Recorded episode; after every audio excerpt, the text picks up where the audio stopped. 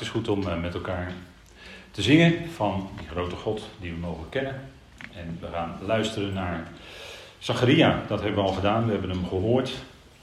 Zomaar een hoofdstuk uit een profeten, uit de nacht. En dan denk je, ja, wat moet ik daar allemaal mee?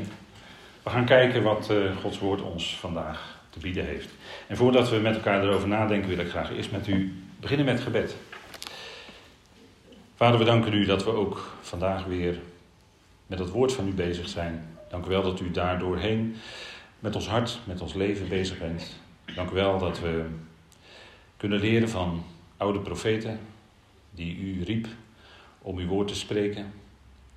Te midden van soms moeilijke omstandigheden. We danken u dat u de apostel Paulus later riep, die verzoening, genade bekend mocht maken. En dat mogen we door en uitdragen in het woord en ook in ons leven. We danken u, Vader, dat u ons dit moment vergunt. Het is genade. Dank u wel dat we door u geleid mogen worden. En daar bid u ook om, wilt u ons leiden door uw geest. Vul ons hart met uw vreugde, met uw heerlijkheid, met geloof. Vader, en dank u wel dat dat volledig in uw hand is, ook dit moment. Vader, mag het zijn tot opbouw van ons geloof. Maar mag het bovenal zijn tot lof en eer en verheerlijking van uw naam. En daar dank u voor in de naam van uw geliefde Zoon, onze Heer Christus Jezus. Amen. De olijf, daar gaat het over in dit gedeelte. En dat is ook misschien wel uh, het thema voor deze ochtend. Begin, uh, begin van deze maand heb ik gesproken over uh, de vijgenboom. Misschien kunt u zich daar nog iets van herinneren. En ook die olijfboom, die vinden wij nogal behoorlijk veel in Israël. En de profeet zag er zelfs twee, hè, daar eindigt het uh, stukje mee. We gaan kijken wat die olijf, of de oleander zoals die ook genoemd wordt, te betekenen heeft. En wat het, uh, wat het uitwerkt. Wat het te maken heeft met dit gedeelte. Hier komt olijfolie en de olijfboom komt hier naar voren. En Zacharia die ziet van alles. We gaan eens kijken wat hij uh, heeft gezien. Zijn naam, en namen in de Bijbel zijn altijd opmerkelijk. De inhoud van deze boekrol, die komt eigenlijk al naar voren in de namen Zacharia, de profeet. Zo kun je hem iets beter uitspreken misschien, Zacharia. En dan eindigt het met de godsnaam, de afkorting van de godsnaam Yahweh. Zacharia was een zoon van Berechia en was een zoon van Iddo. Dus Iddo was de opa van Zacharia, zeg maar. Hè. Er zijn hier wat opa's en oma's in de zaal. Ik ben er trouwens zelf ook een. Maar als je die naam op een rijtje zet, dan zegt dat eigenlijk iets ook over die inhoud van de profetie. Want de naam Iddo betekent, heeft iets te maken met wat verder is, of de toekomst. De naam Berechia, dat betekent ja of Yahweh zegent. Baruch is het woord voor zegenen in het Hebreeuws. En Zakaria, Zakar, dat is heel mooi, dat betekent herinneren. En dat wil dus zeggen, ja of Yahweh herinnert zich. En als je het op een rij zet, dan is dat eigenlijk de inhoud van deze profetie. Want Zacharia die profeteerde, en dat is niet alleen het spreken van Gods woord, maar dat is ook iets aanduiden wat ook in de toekomst nog werkelijkheid gaat worden. Verder in de toekomst, als je het op een rij zet, geeft Yahweh zegen wanneer Yahweh zijn beloften gedenkt of zich herinnert. Want God vergeet zijn beloften niet. Hij herinnert zich altijd wat hij gesproken heeft. En dat gaat hij ook doen. Daar kunnen duizenden jaren tussen zitten. Tussen het moment dat hij spreekt, dabar, en dat het vervuld wordt. Maar het gaat een keer vervuld worden. Dat is zeker. En dat is eigenlijk wat dan in 1 vers 1 al in die namen naar voren komt. Dan heb je eigenlijk al in die namen vervat de hele profetie van Zacharia. En zegt u, nou, we kunnen wel stoppen weer voor vandaag. Dan is, het, nou, dan is dat voor mij ook makkelijk. Heb ik een korte spreekbeurt. Dan stap ik weer van het podium af. Maar laten we toch maar verder gaan. Wanneer sprak Zacharia nou?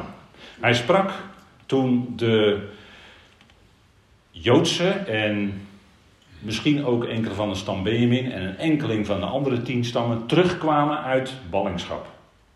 De Babylonische ballingschap was dat. Al eerder in de 8e eeuw voor Christus waren de noordelijke tien stammen weggevoerd door de Assyriërs. Dat waren, geen, eh, dat waren gewelddadige lui, zeg maar. Die waren niet gezellig. En het zuidelijke rijk, want er was een splitsing gekomen, Juda en Benjamin, die waren weggevoerd door de Babyloniërs. En dat gebeurde in stappen. En uiteindelijk onder koning Zedekia, of Zedekia, hoe moet je het uitspreken, kwam uiteindelijk die, gingen ze allemaal in ballingschap, werd Jeruzalem verwoest, werd de tempel verwoest. En dan zijn we ook gelijk bij Zacharia, want Zerubabel, die komt hier naar voren in dit stukje. En Zerubabel was degene onder wiens leiding de tempel herbouwd zou worden. Zo kwamen we dus terug ongeveer 515 before Christ of voor Christus. En Zacharia is een belangrijk boek, want hij wordt maar liefst 42 keer aangehaald in het Nieuwe Testament. We zeggen liever de Griekse schrift. 42 keer. Dat is een belangrijk Bijbelboek. Het is niet zomaar een profeet. En het is ook een profeet die schreef na de ballingschap. Dus alles wat eventueel direct volgend op of in de ballingschap gebeurd was. Zacharia profeteerde over toekomstige dingen. En hij profeteerde samen met de profeet Haggai, Haggai, Zacharia, die profeteerde ongeveer in dezelfde tijd. En dat gaat in de tijd van de herbouw van de tempel. En die herbouw van de tempel, dat gebeurde onder andere onder Ezra en Nehemia, de herbouw van de stad en de tempel. Maar er was een beetje de klad ingekomen, om het zo maar te zeggen. Want uh, ja, men, het duurde wat langer en uh, er kwam een beetje oneenigheid. Hè. Dat heb je vaak als, als, als een huis gebouwd wordt door meerdere mensen, dan krijg je wel eens onderling oneenigheid. U kent dat wel, hè? Twee kapiteins op een schip, dat gaat niet. Of er is onderling verschil van inzicht, dan krijg je onderlinge bonje, hè, om het zo maar te zeggen. Onderlinge oneenigheid. En dat werkt vertragend. Dan hadden toen ook de Samaritanen, die hadden daar ook een hand in. dat, dat is een beetje. En, en nu, komt die, nu komt die boodschap, die komt naar Zacharia toe. En die gaat Zacharia manen. En Haggai zegt het ook, hè. Haggai die is ook een hele duidelijke profeet. Die zegt, ja, jullie zouden dat, die, die, tempel herbouwen. Maar jullie zijn, jullie zijn bezig met jullie eigen bouwsels. Jullie hebben allemaal wel doortimmerde huizen. Maar jullie denken niet aan het huis van God. Welvaart hè, kan ook een, uh, ja, kan een hindernis zijn of een enorme afleiding zijn van, uh, van, van wat God zegt. Hè. Het kan zo snel gebeuren dat je afgeleid wordt door, ja, dat kan van alles zijn. Allemaal dingen die welvaart, betere woning, een grotere woning, een betere auto, een betere baan enzovoort. Het kan je afleiden van, want het gaat zoveel tijd opslokken. Het is maar waarvoor je kiest in je leven. Zacharia zag nachtgezichten. Want waarom werd hij geroepen? Hij zag gezichten in de nacht. En de nacht, dat is uh, de tijd waarin het duister is. De nacht is de tijd waarin alles somberder, donkerder lijkt dan overdag. S'nachts lijken de dingen groter en erger te zijn. En als het dan eenmaal weer daglicht is, dan valt het eigenlijk wel weer mee. Ik weet niet of u dat kent, hè? dat je in de nacht dan wakker wordt en dan lig je, lig je na te denken over allerlei dingen en dan haal je allemaal dingen in je hoofd en dan, dan heb je het gewoon nodig dat je even eruit gaat en dat je even, misschien toch weer even Gods woord erbij pakt of zo. Ik denk dat dat misschien toch wel Zacharia in de nacht. Er staat hier, hij werd in de nacht gewekt. En als je dat zo leest, ik, ik weet niet hoe het u dan vergaat. Maar moet u dan ook niet denken aan wat Paulus schrijft? Dat het nu voor ons de uur is om uit de slaap gewekt te worden, wat hij zegt in Romeinen 13. Want de redding, het moment dat de Heer gaat komen, is nu dichterbij gekomen dan het moment dat wij eerst tot geloof kwamen. Daar zijn zoveel dagen overheen gegaan en we zeggen wel eens tegen elkaar: iedere dag brengt ons weer een stapje dichterbij dat die bazuin gaat klinken. Want die belofte heeft God gegeven en die belofte maakt hij waar. Dat gaat hij doen. Dus daar zien we naar uit. Dat is uh, geen hoop, maar dat is een zekere verwachting. Zacharia werd gewekt in de nacht en hij zag acht nachtgezichten. En ja, een beetje merkwaardig, hè? wat moet je daar nou mee? Hè? Wat zag hij nou allemaal? Hij zag, uh, als je die, die profetieën doorleest, misschien kun je dat vanmiddag eens doen. Onder, wij hebben trouwens wel twee olijfbomen achteruit staan, dus je zou misschien als de zon schijnt onder uw olijfboom kunnen gaan zitten. Maar hij, hij, zag allerlei dingen. Een ruiter op een rossig paard tussen mitten en paarden. Hij zag horens en smeden. Een man met een meetlint. Uh, het vorige hoofdstuk, hoofdstuk 3, gaat over Jozua, de hoge priester, die gerechtvaardigd wordt. En dan komt de Satan. Er komt de Satan. Die aanklaagt, hè, want de Satan is de aanklager. En dat zijn ook van die gedachten van, die je als gelovige ook kan hebben. En daar hebben we nou die wapenrusting voor. Dat je, joh, je hebt, je hebt het toen toch wel verkeerd gedaan. En daar kan ineens een enorm schuldgevoel uit voortkomen. En, en hoe kan je dat dan tackelen? Dat schuldgevoel. Je hebt het verkeerd gedaan. Ja, oké, we maken fouten als mensen. En dan kan je in de nacht ook nog mee geconfronteerd worden. Dan kan je God danken voor de genade die Hij in Christus Jezus geeft. Die genade verandert niet. Die genade is er juist. Als wij een krenking zelfs hebben begaan, of als wij een fout hebben begaan, wat is er dan? Is er dan veroordeling? Nee. Nee. Dan is er genade. Dat is het evangelie. Dat is het evangelie. Bij God is altijd terugkeer, altijd terugkeer mogelijk. Ook al zijn we nog zo ver misschien in ons leven afgedwaald of afgeleid. En dan kan je als gelovige ook hebben dat je ineens afgeleid wordt, of een periode zelfs in je leven afgeleid wordt van. En als je dan terugkomt bij de Heer, om het zo maar te zeggen, wat dan? Veroordeelt hij je dan? Gaat hij nog even flink de mantel uitvegen? Of gaat hij nog even flinke tets in je gezicht geven? Nee, zo is de Heer niet. De Heer betoont je genade. Hij betoont ons genade, zegt Paulus in zijn evangelie, voor al onze krenkingen. En dat zou in ons hart zinken. Dat zou in ons hart zinken. Wij krijgen genade voor al onze krenkingen. Dat is geen vrijbrief om. Nee, in tegendeel. Dan ga je leven uit dankbaarheid. Nachtgezichten zag Zacharia. Hij zag uh, de rechtvaardiging van Jozua, de hoge priester. En dan in dit hoofdstuk een gouden kandelaar en twee olijfbomen. En het volgende hoofdstuk een vliegende boekrol. Heb je dat ooit wel eens gezien? Een vliegende boekrol? Dat lijkt wel bijna wel science fiction, hè? Maar je, je, Zacharia, die zag het. En daar zit en een vrouw, een, een, inhoudsmaat, een Eva met een vrouw erin.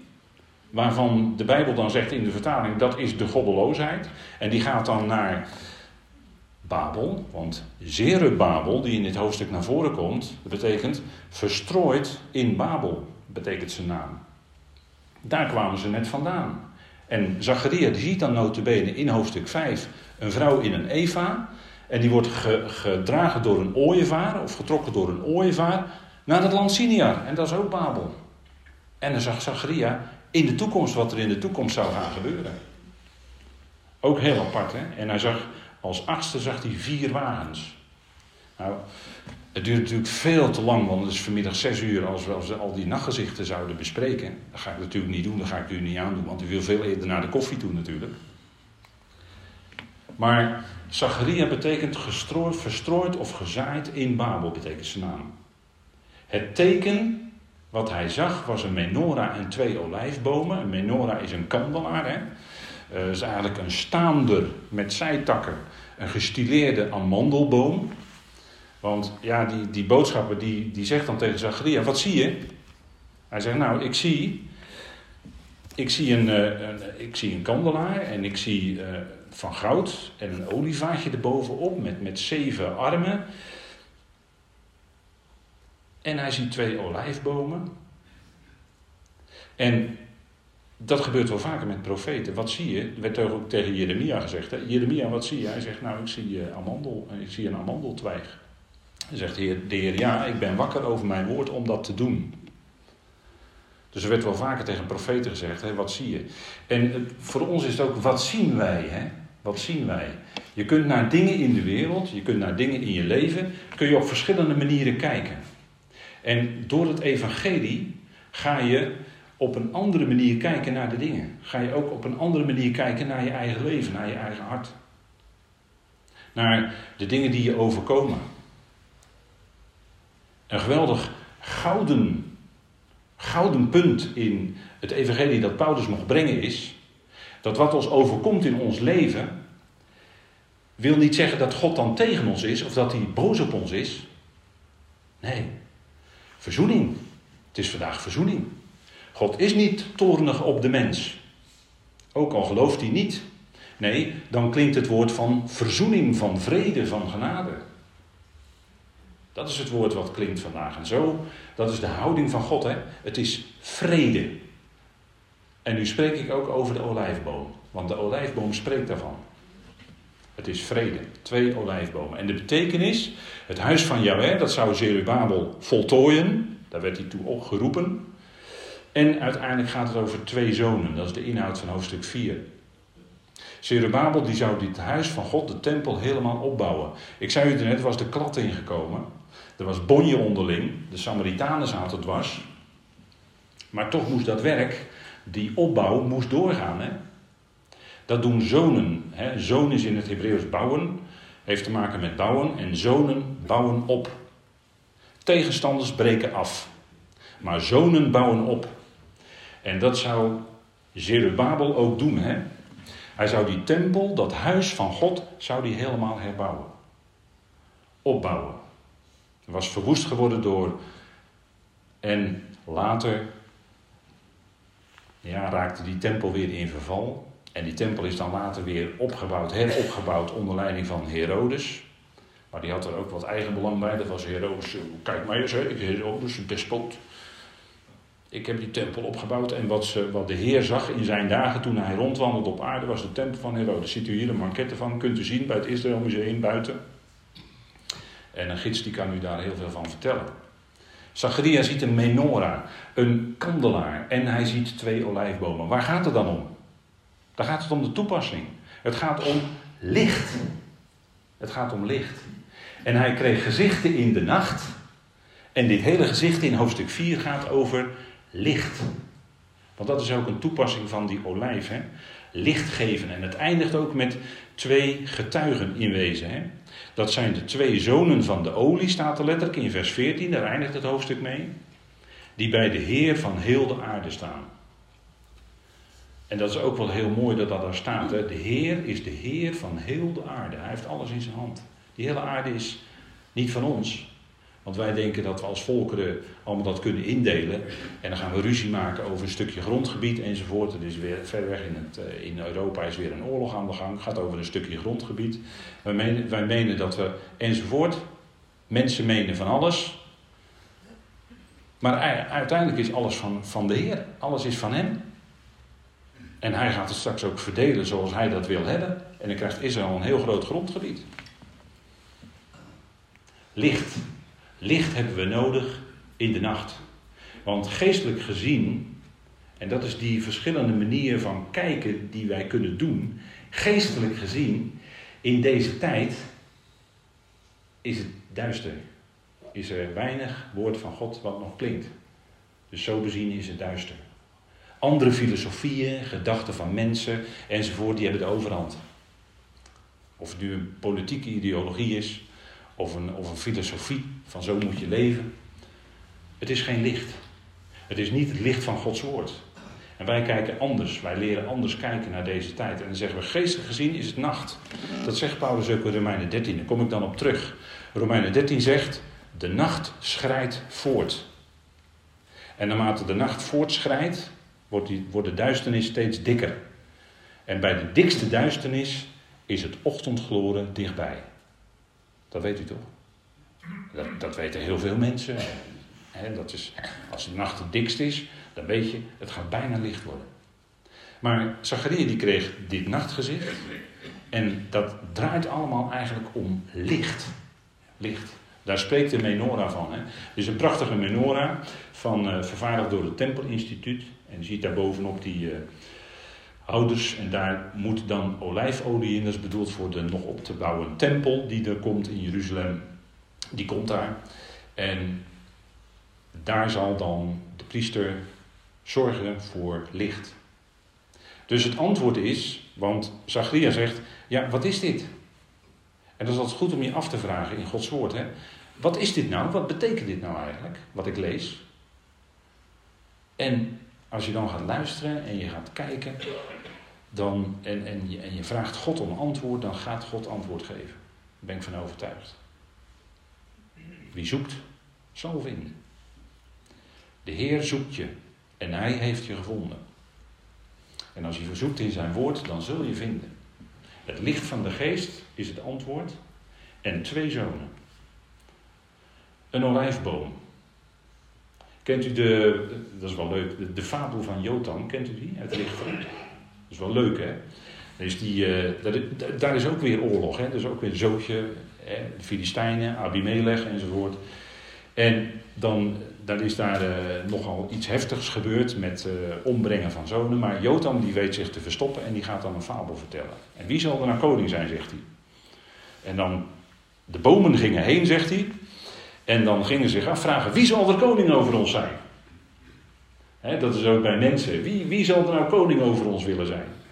En dan zijn er altijd, ja, ik wil wel graag koning zijn. Ik wil wel graag overheersen. Als eerste wordt genoemd de olijfboom. En dat is niet voor niks. Dat is de belangrijkste. En die zegt dan, die wordt dan tegen de olijfboom gezegd door die andere bomen.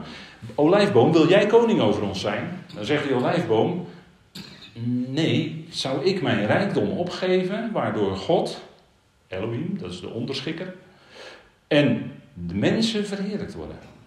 Mijn rijkdom, waardoor God en mensen verheerlijkt worden. Wat is nou de rijkdom van de olijfboom? De olie. Natuurlijk, de olijfolie. Die is heel waardevol. En in het Midden-Oosten, rondom de Middellandse Zee, staan er heel veel. En mensen die hebben dat voor hun leven nodig. Zou ik mijn rijkdom opgeven, waardoor God en mensen verheerlijkt worden? Dat heeft te maken met zalving door olijfolie. En als eerste komen we het olijfblad tegen bij Noach. Dat weet u wel, hè? Noach die is in die ark en allemaal water. En dan stuurt hij eerst een raaf erop uit en die komt niet meer terug. En dan stuurt hij een duif en die komt terug met een olijfblad. Als teken, en dat is natuurlijk spreekwoordelijk geworden. De duif met de olijf is een teken van vrede, is het symbool van vrede. Maar dat komt eigenlijk hier vandaan. Dat wil zeggen, het gericht is nu voorbij. Die olijfboom die is daar weer. Noach, het is klaar. Het gericht is voorbij en het is in die zin vredig, vrede geworden. Olijfblad.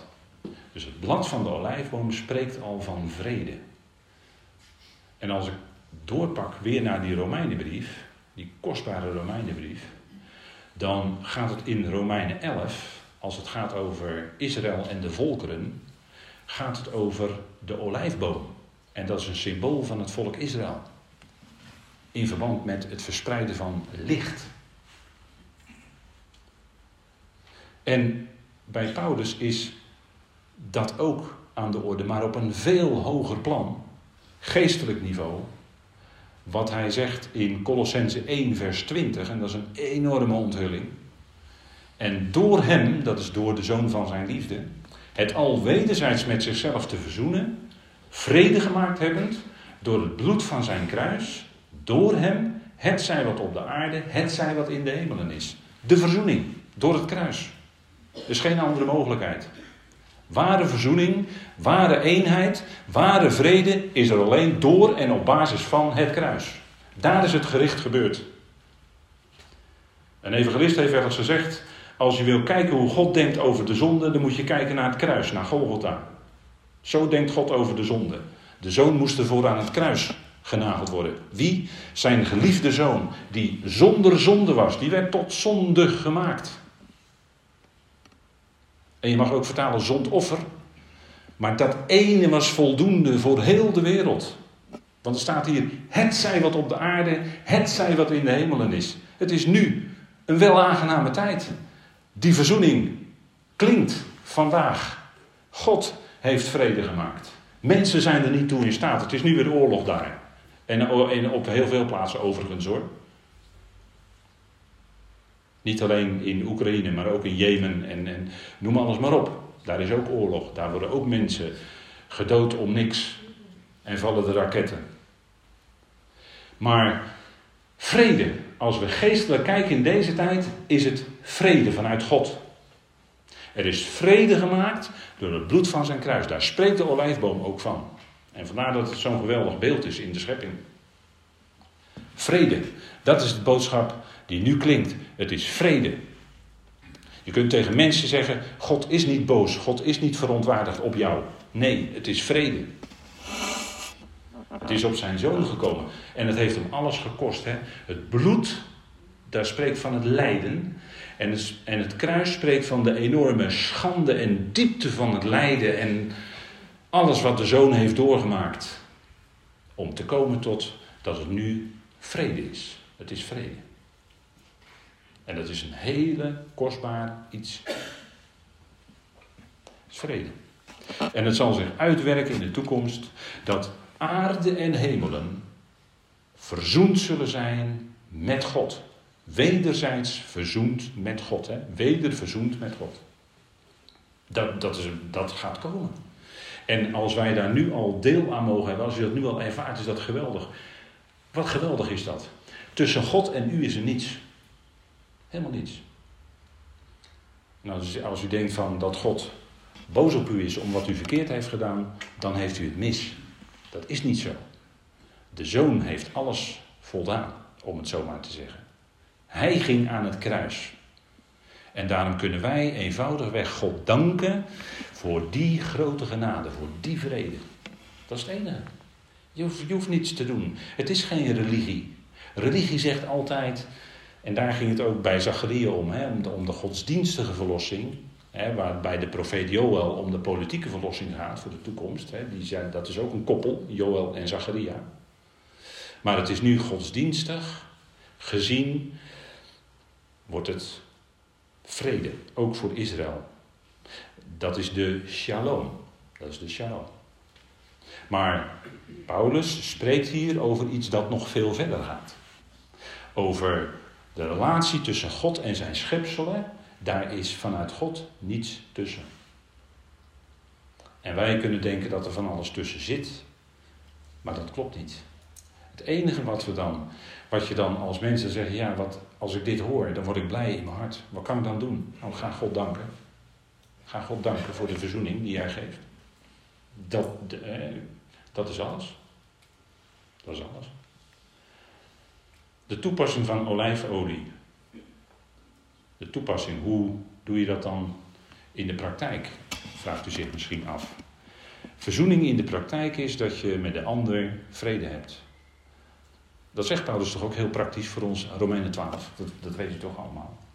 Houd voor zover het van u afhangt, vrede met alle mensen. En wat is de achtergrond daarvan? Dat is wat we net gelezen hebben in Colossense 1, vers 20. Wij, wij kunnen daardoor iets van God naar de ander toe brengen of in onze houding laten blijken. Joh, het is vrede. Ik heb niks tegen jou. Ik heb niks tegen, tegen niemand. Ieder, ieder mens is geliefd door God.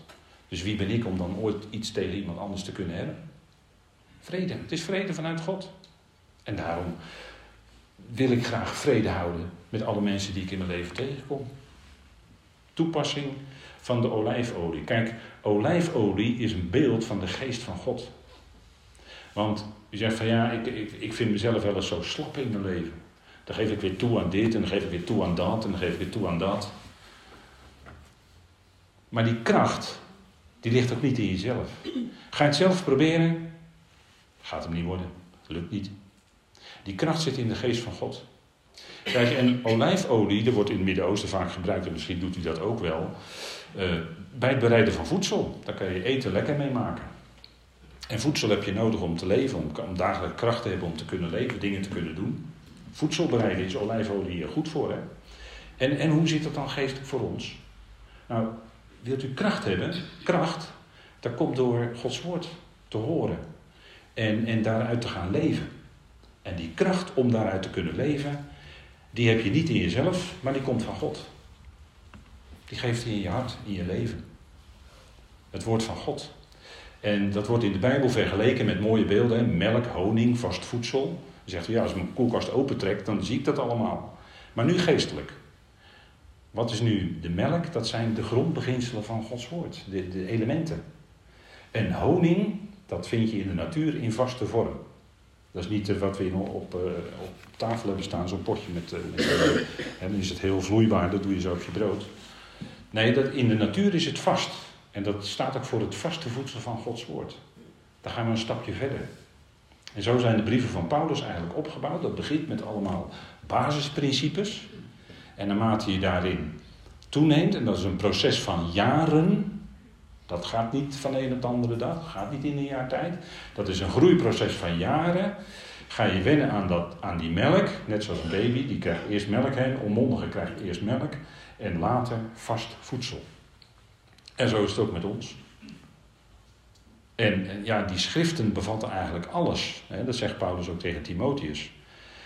Jij zegt misschien wel, of u zegt misschien wel, nou, ik wil een mens van God zijn. Ik wil een man of een vrouw van God zijn. Nou, Gods woord biedt alle ingrediënten, biedt al het voedsel om dat te kunnen zijn, ook in de praktijk. Een man of een mens van God. En Paulus zegt, die schriften, die zijn nodig. Opdat de mens van God volkomen toebereid is tot alle goed werk. Paulus heeft het vaak over goede werken doen. Maar dat is niet, je moet het niet omdraaien. Goed werk is het resultaat van. Wat in je zit en dat gaat verleven en dan gaat het naar buiten komen. Vast voedsel. In wonden werd ook in het Midden-Oosten wordt het ook toegepast. Hè? Als iemand wonden heeft, dan werkt olie verzachtend. En u kent wel dit geweldige verhaal wat de Heer vertelt over die barmhartige Samaritaan. Die kwam bij die man die gewond was, die overvallen was door rovers op de weg van Jeruzalem naar Jericho. En het wonderlijke is dat die priester en de leviet, die hielpen hem niet. Die gingen met een boog om hem, aan hem voorbij. En dat had allerlei redenen. Maar die Samaritaan die kwam, en dat is de Heer zelf die dan in dat verhaal binnenkomt, om het zo maar te zeggen. Want het staat in vertalingen terecht met een hoofdletter. Die Samaritaan die komt en die doet dan in die wonden van die overvallene olie en wijn. En dat is olijfolie. Het woord wat er staat duidt op olijfolie. Hij doet olie in de wonden, dat werkt verzachtend. En misschien zegt u van nou, ik, eh, als, ik, als ik wonden heb, dan uh, slik ik er wat voor. Misschien is het idee om daar ook olijfolie op te doen. Zou kunnen dat het verzachtend werkt. En wijn. Wijn werkt dan zuiverend. En natuurlijk is dat een beeld van hoe de Heer zelf, want het gaat hier over traumata, hoe de Heer zelf geestelijke wonden of wonden in je ziel heelt. En dat doet Hij omdat Hij vertroosting geeft door, het, ja, door, de, door de olie van zijn woord voor zijn geest. Dat werkt verzachtend voor een mens. En het kan ook zijn dat je wonden hebt, geestelijke wonden of wonden in je ziel leven, door andere mensen toegebracht. Bij wie kun je dan terecht? Misschien heb je het vertrouwen in mensen verloren. Zou kunnen. Maar bij de Heer kun je terecht. Altijd. Zet de deur van je huis maar open, zongen we. Ja, maar de deur van de het huis van de Heer, de deur bij de Heer staat altijd open. Hè? Dat is even andersom gedacht. Maar we kunnen met alles wat in ons leven gebeurd is, kunnen we bij Hem terecht. Zegt de psalmist niet dat hij, hij verbindt de gebrokenen. Hij richt degenen die gebogen zijn weer op. En het kan ook best zijn dat, u, dat we onderling als, als, we, als, als dat op onze weg komt. Dat, misschien, dat, dat u en ik misschien iemand anders kunnen helpen om, om dit even, om even terug te herinneren aan wat zegt God nou eigenlijk. God zegt in de diepste zin dat hij van je houdt. Altijd, ongeacht wat op je kerfstok is. Hij houdt misschien niet van de dingen die je hebt gedaan, wat je op je kerfstok hebt, maar wel van jou als mens. God houdt van je, altijd, hoe dan ook. En wijn, dan komt er later misschien ook weer vreugde. Als die wonden, die, en, en je kunt best ook littekens hebben. En dat litteken wat in je leven getrokken is door, door het verleden, door dingen die in het verleden gebeurd zijn, dat litteken kan altijd blijven trekken op een of andere manier.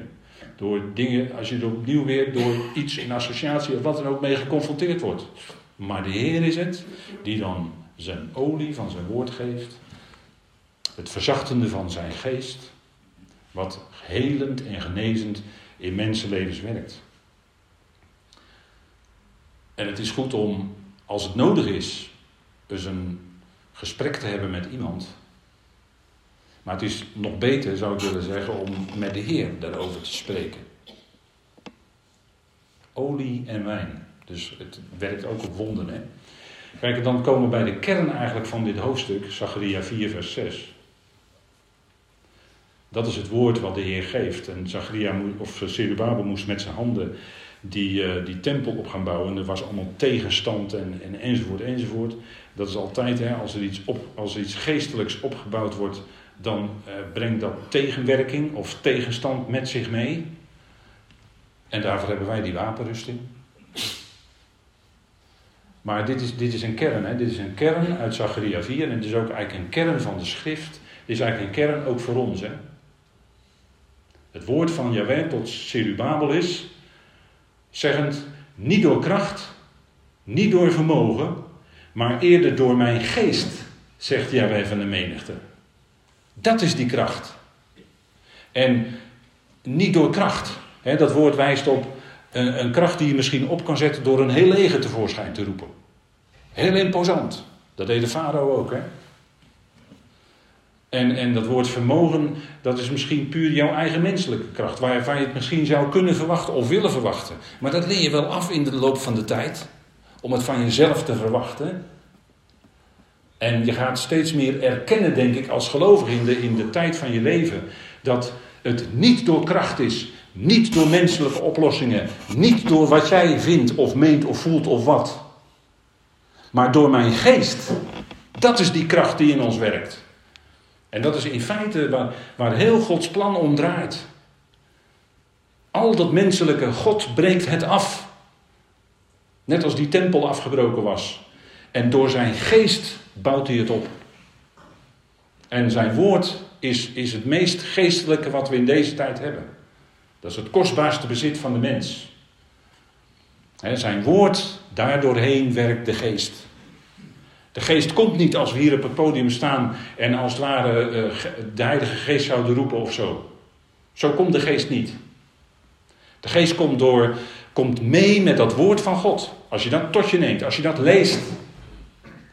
Of als je misschien daar iets over hoort, uitleggen. Dat zou kunnen. Maar het gaat essentieel om dat woord van God zelf. Lees dat. Kostbare bundel van de brieven van Paulus. Daardoor werkt die geest van God vandaag. Die is altijd actief. Jeremia die zag die amandeltwijg. God waakt over zijn woord om dat te doen. God slaapt nooit. God is altijd wakker. God is altijd actief bezig zijn plan te verwerkelijken. En in uw en mijn leven doet hij alles tot in de details toe samenwerken tot wat goed is. Dat is die gouden uitspraak van de apostel Paulus. Heer, waartoe is dit nou in mijn leven? Of waarom is dat nou in mijn leven mij overkomen? Waarom overkomt mij dit allemaal? Zo'n soort gedachten kun je hebben. We zijn gewoon mens. Om het antwoord te vinden bij Romeinen 8. Dat Hij, God, die grote God, die geest is. Doet het samenwerken tot wat goed is. Tot wat goed is. Als je de uitkomst ziet die de God geeft. Dan zeg je achteraf, misschien wel tientallen jaren later, ja vader, het was goed dat u dat toen in mijn leven deed. U deed het niet verkeerd, God maakt nooit fouten. Het is door zijn geest. Dat is de kern hier van Zacharia 4. Hè? Dat is waar we ook uit, uit leven. Leven door de geest. Daar spreekt dat hele Romeinen 8 over, hè? dat hele hoofdstuk. Daar gaat het om. De geest werkt ook, of ik kan je zeggen olijfolie, je kan er kaas in bewaren. Ik ging een beetje zoeken op internet, want ik ben helemaal niet zo deskundig. Absoluut niet. Maar ik ging een beetje zoeken en toen kwam ik tegen dat je kunt kaas bewaren in olijfolie. Dus misschien een idee. Wij houden wel, ja, wij houden wel van kaas. Dus eh, misschien wel een ideetje. Zo kan je wegzetten. Het werkt conserverend, hè, olijfolie. Maar dat is ook wat de geest doet. En dat is natuurlijk het mooie ervan. Dat is wat de geest doet. Hè? Dat is wat Paulus hier bidt in 1 Thessalonicense 5. Dat is natuurlijk een brief van onze verwachting. Geweldige verwachting. Mogen Hij nu, de God van de vrede, jullie geheel en al heiligen. Dat is, dat is, je bent apart gezet. Heilig is apart gezet voor de dienst aan God. En mogen jullie ongeschonden geest en ziel en lichaam onberispelijk in de aanwezigheid van onze Heer Jezus Christus bewaard worden, bewaren. dat is de bewarende werking van de geest van God in je leven. Je moet iets conserveren in het dagelijks leven. we hebben conserveblikjes, er zit van alles in. Daar kun je van alles lang in bewaren. En dat is die werking van die geest in ons leven. Die, die werkt bewarend. Die werkt bewarend dat je niet afwijkt naar links. Ja, natuurlijk ook naar rechts kun je ook afwijken. Maar die bewaart je voor elke afwijking in je leven. En die wijst je als je misschien toch afgeleid bent door iets en je, en je wil misschien in die richting gaan, dan kan het zijn dat, dat er van binnen toch iets bij je is van, eh, ja, is dat nou eigenlijk wel goed?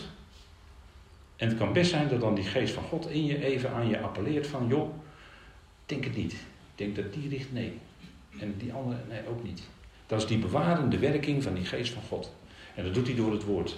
Want het woord wijst ons aan wat, wat, wat juist is, wat recht is, en, en in dat spoor van, van wat we van de apostel Paulus hebben mogen leren, in dat spoor dan te gaan. En in dat spoor ook verder te gaan. Want u weet wat er gebeurt bij een treinspoor. Hè? Als je een wissel, als je een heel klein beetje verzet, hè? daar begint het mee, een heel klein beetje zo, die wissel. Dan ben je natuurlijk, kilometer, moet je kijken over 20 kilometer. Dan ben je, ik weet niet hoe ver uit koers geraakt. Dat is wat je doet. Als je als je ook in je leven als gelovige heel, heel klein beetje die wissel, heel wisseltje aanbrengt, een heel klein beetje gaat afwijken. Daarom is het nodig om te blijven bij die woorden van het geloof en van het uitstekende onderricht dat de apostel Paulus ons gegeven heeft. En dat is heel rijk. En dat is iets waar wij uh, al, al jaren ietsje mee, mee mogen helpen, want dat is genade, ietsje mee mogen helpen om dat bekend te maken. En ze zijn er wereldwijd natuurlijk veel meer die dat doen. En dat is die bewarend. En zo werkt God door zijn geest, doordat je steeds je laat opscherpen door wat zegt God nou, wat zeggen die brieven van Paulus nou voor ons persoonlijk leven, laat je daardoor opscherpen. En in Romeinen 13, uh, eh, nou misschien kunnen we het wel even lezen, Romeinen 13, dat, dat, dat, dat klinkt toch, hè, want dat is toch een beetje parallel, lijkt het, aan wat, uh, wat Zacharia zag. Romeinen 13, de tijd, hè, dat de tijd is aangebroken dat wij uit, uit de slaap ontwaken. Want het kan ook zijn dat je als gelovige geestelijk wat ingedommeld bent, wat ingedut bent. Hè. Dan heb je die, uh, ja, dan heb je even nodig dat je uit de slaap gewekt wordt. Dus even, even wakker worden. Want nu is de redding dichterbij dan toen wij eerst geloofden. De nacht is vergevorderd, zegt Paulus. De dag is nabijgekomen. Laten wij dus de werken van de duisternis afleggen en de wapens van het licht aandoen, of de werktuigen van het licht aandoen. Dat is iets wat Paulus zegt dat we zouden doen. De werken van de duisternis afleggen, dus dat wat het daglicht niet kan velen. Dat is een moeilijk woord, hè, velen. Wat het daglicht niet kan verdragen, dat we dat afleggen in ons leven. En aandoen de werktuigen of de wapens van het licht. Want we wandelen toch in het licht van het woord. We wandelen in het licht met Hem. Laten wij als op de dag, als in de dag, op een gepaste wijze wandelen, zegt Paulus. Niet in zwelgpartijen en dronkenschappen. Dat is eh, niet in zwelgpartijen en roes. En zwelg kan ook eh, veel te veel eten zijn of veel te veel drinken. Niet in slaapkamers en losbandigheid. Nou, de, als je, dat is een probleem. Dat is een probleem.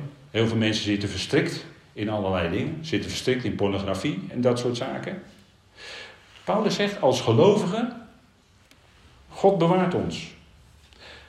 Niet in zwelgpartijen en dronkenschappen. Niet in slaapkamers en losbandigheid. Niet in ruzie en afgunst. Dat is die bewaarde. Hè? Dat is wat Paulus ons zegt. Paulus noemt de dingen bij de naam. Klip en klaar.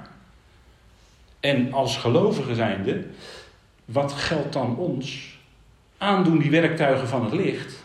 Aandoen de Heer Jezus Christus. Hè? Vers 14. Doet aan of bekleedt u met de Heer Jezus Christus en verzorg het vlees niet tot begeerte.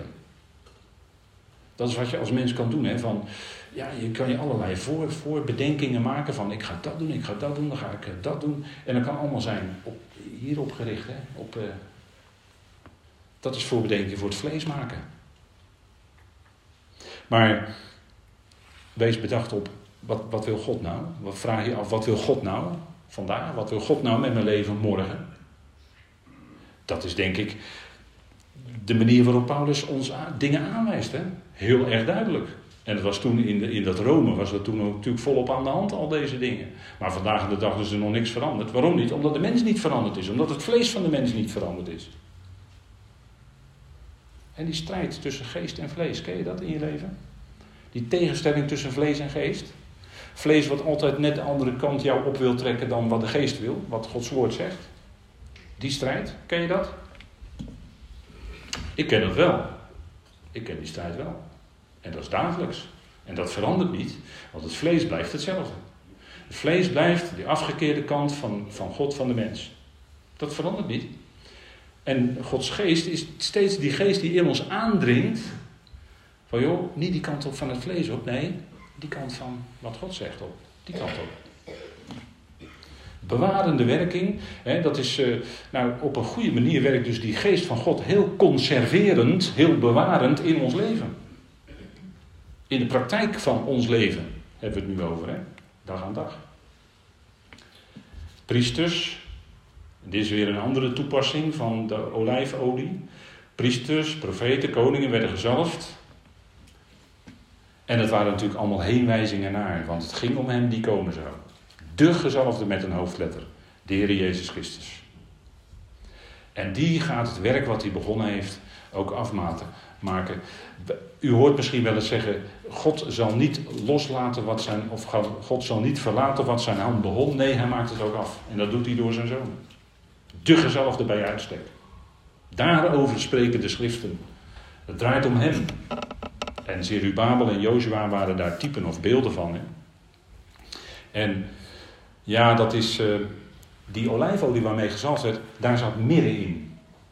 En dat, dat tekende eigenlijk dat degene die gezalfd werd, daar zou de geest van God op rusten om dat te kunnen doen. Werd je als koning geroepen in Israël? David werd gezalfd.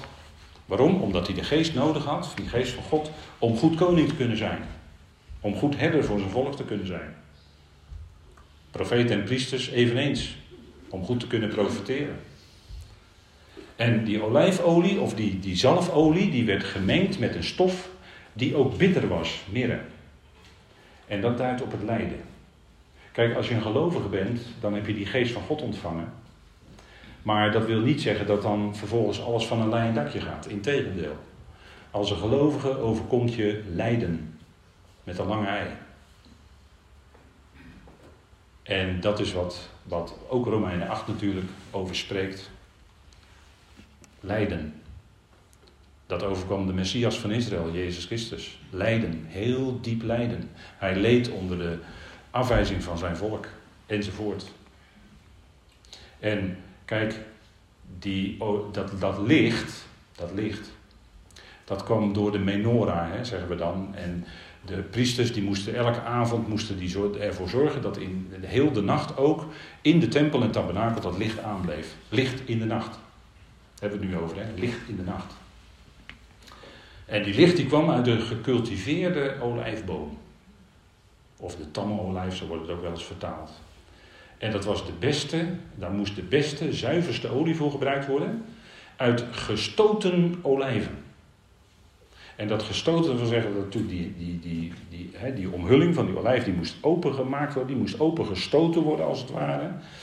En dan kreeg je en onder grote druk gezet en dan kreeg je de beste olie. En dat wijst ook op het lijden.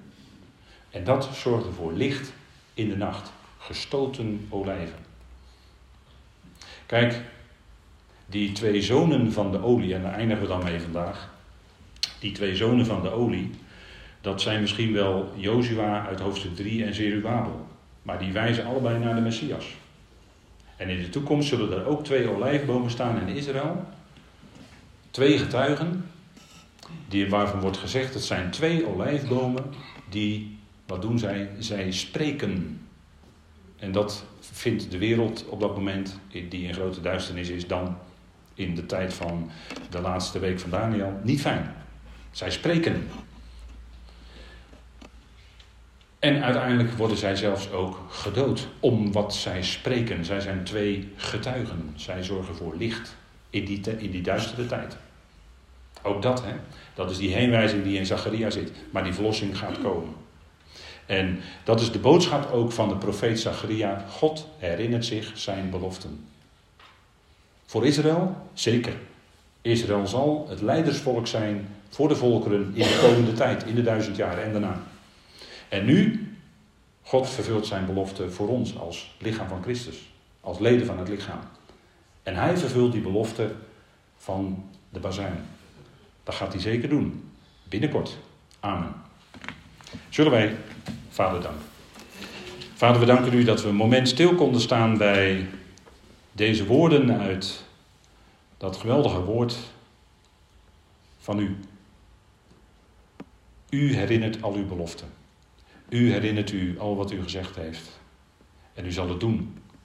Vader, we danken u daarvoor. We danken u dat die geest in ons leven een geweldige bewarende werking geeft. En we leven in de tijd, Vader, waarin de nacht vergevorderd is. Maar de dag is nabij. En we danken u daarvoor. We danken u dat wij als in de dag wandelen. Wakend, nuchter. En ons niet laten afleiden naar links of rechts. Maar u volgen, Heer, en navolger zijn van u zelf, Vader, in de liefde. Vader, dank u wel dat u ons dat woord aanbrengt. Dat u ons dat woord geeft. Dat we in en door alles heen mogen beseffen. U bent er. U bent nabij. Jawel, ik ben en ik zal er zijn. Vader, dank u wel dat het ook in ons leven zo is. U woont door uw geest in ons en daardoor kunnen we leven. Door die kracht. Vader, dank u wel daarvoor. Dank u wel voor het heerlijke werk van verzoening wat gebeurd is op Golgotha.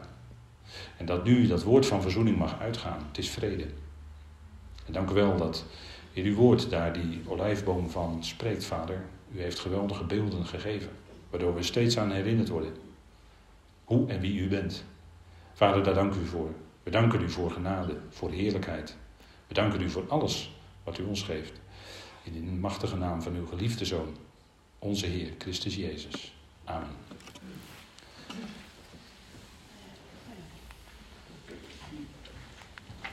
Goed, ter afsluiting van deze dienst stel ik voor dat wij staande met elkaar zingen. Jezus, uw naam zij de hoogste eer. Uw naam zij de hoogste eer.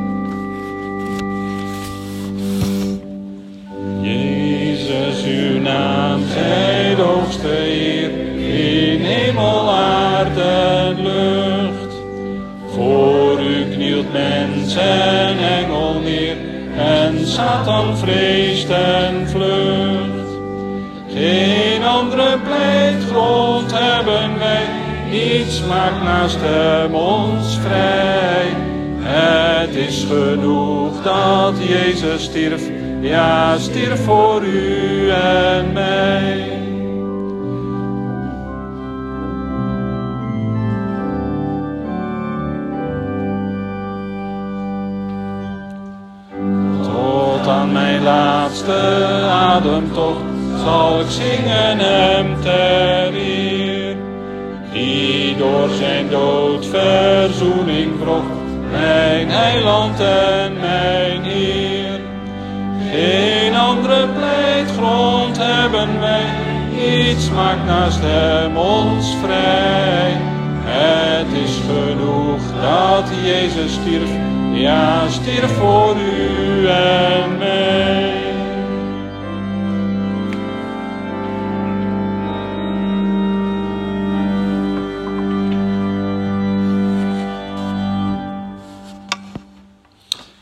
Goed, ter afsluiting mag ik u nog een woord lezen uit de Efezebrief.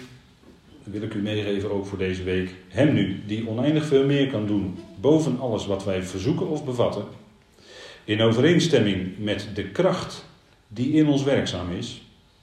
Hem zij de heerlijkheid in de uitgeroepen gemeente en in Christus Jezus in alle generaties van de eon van de eonen. Amen. Ik wens u een hele goede week.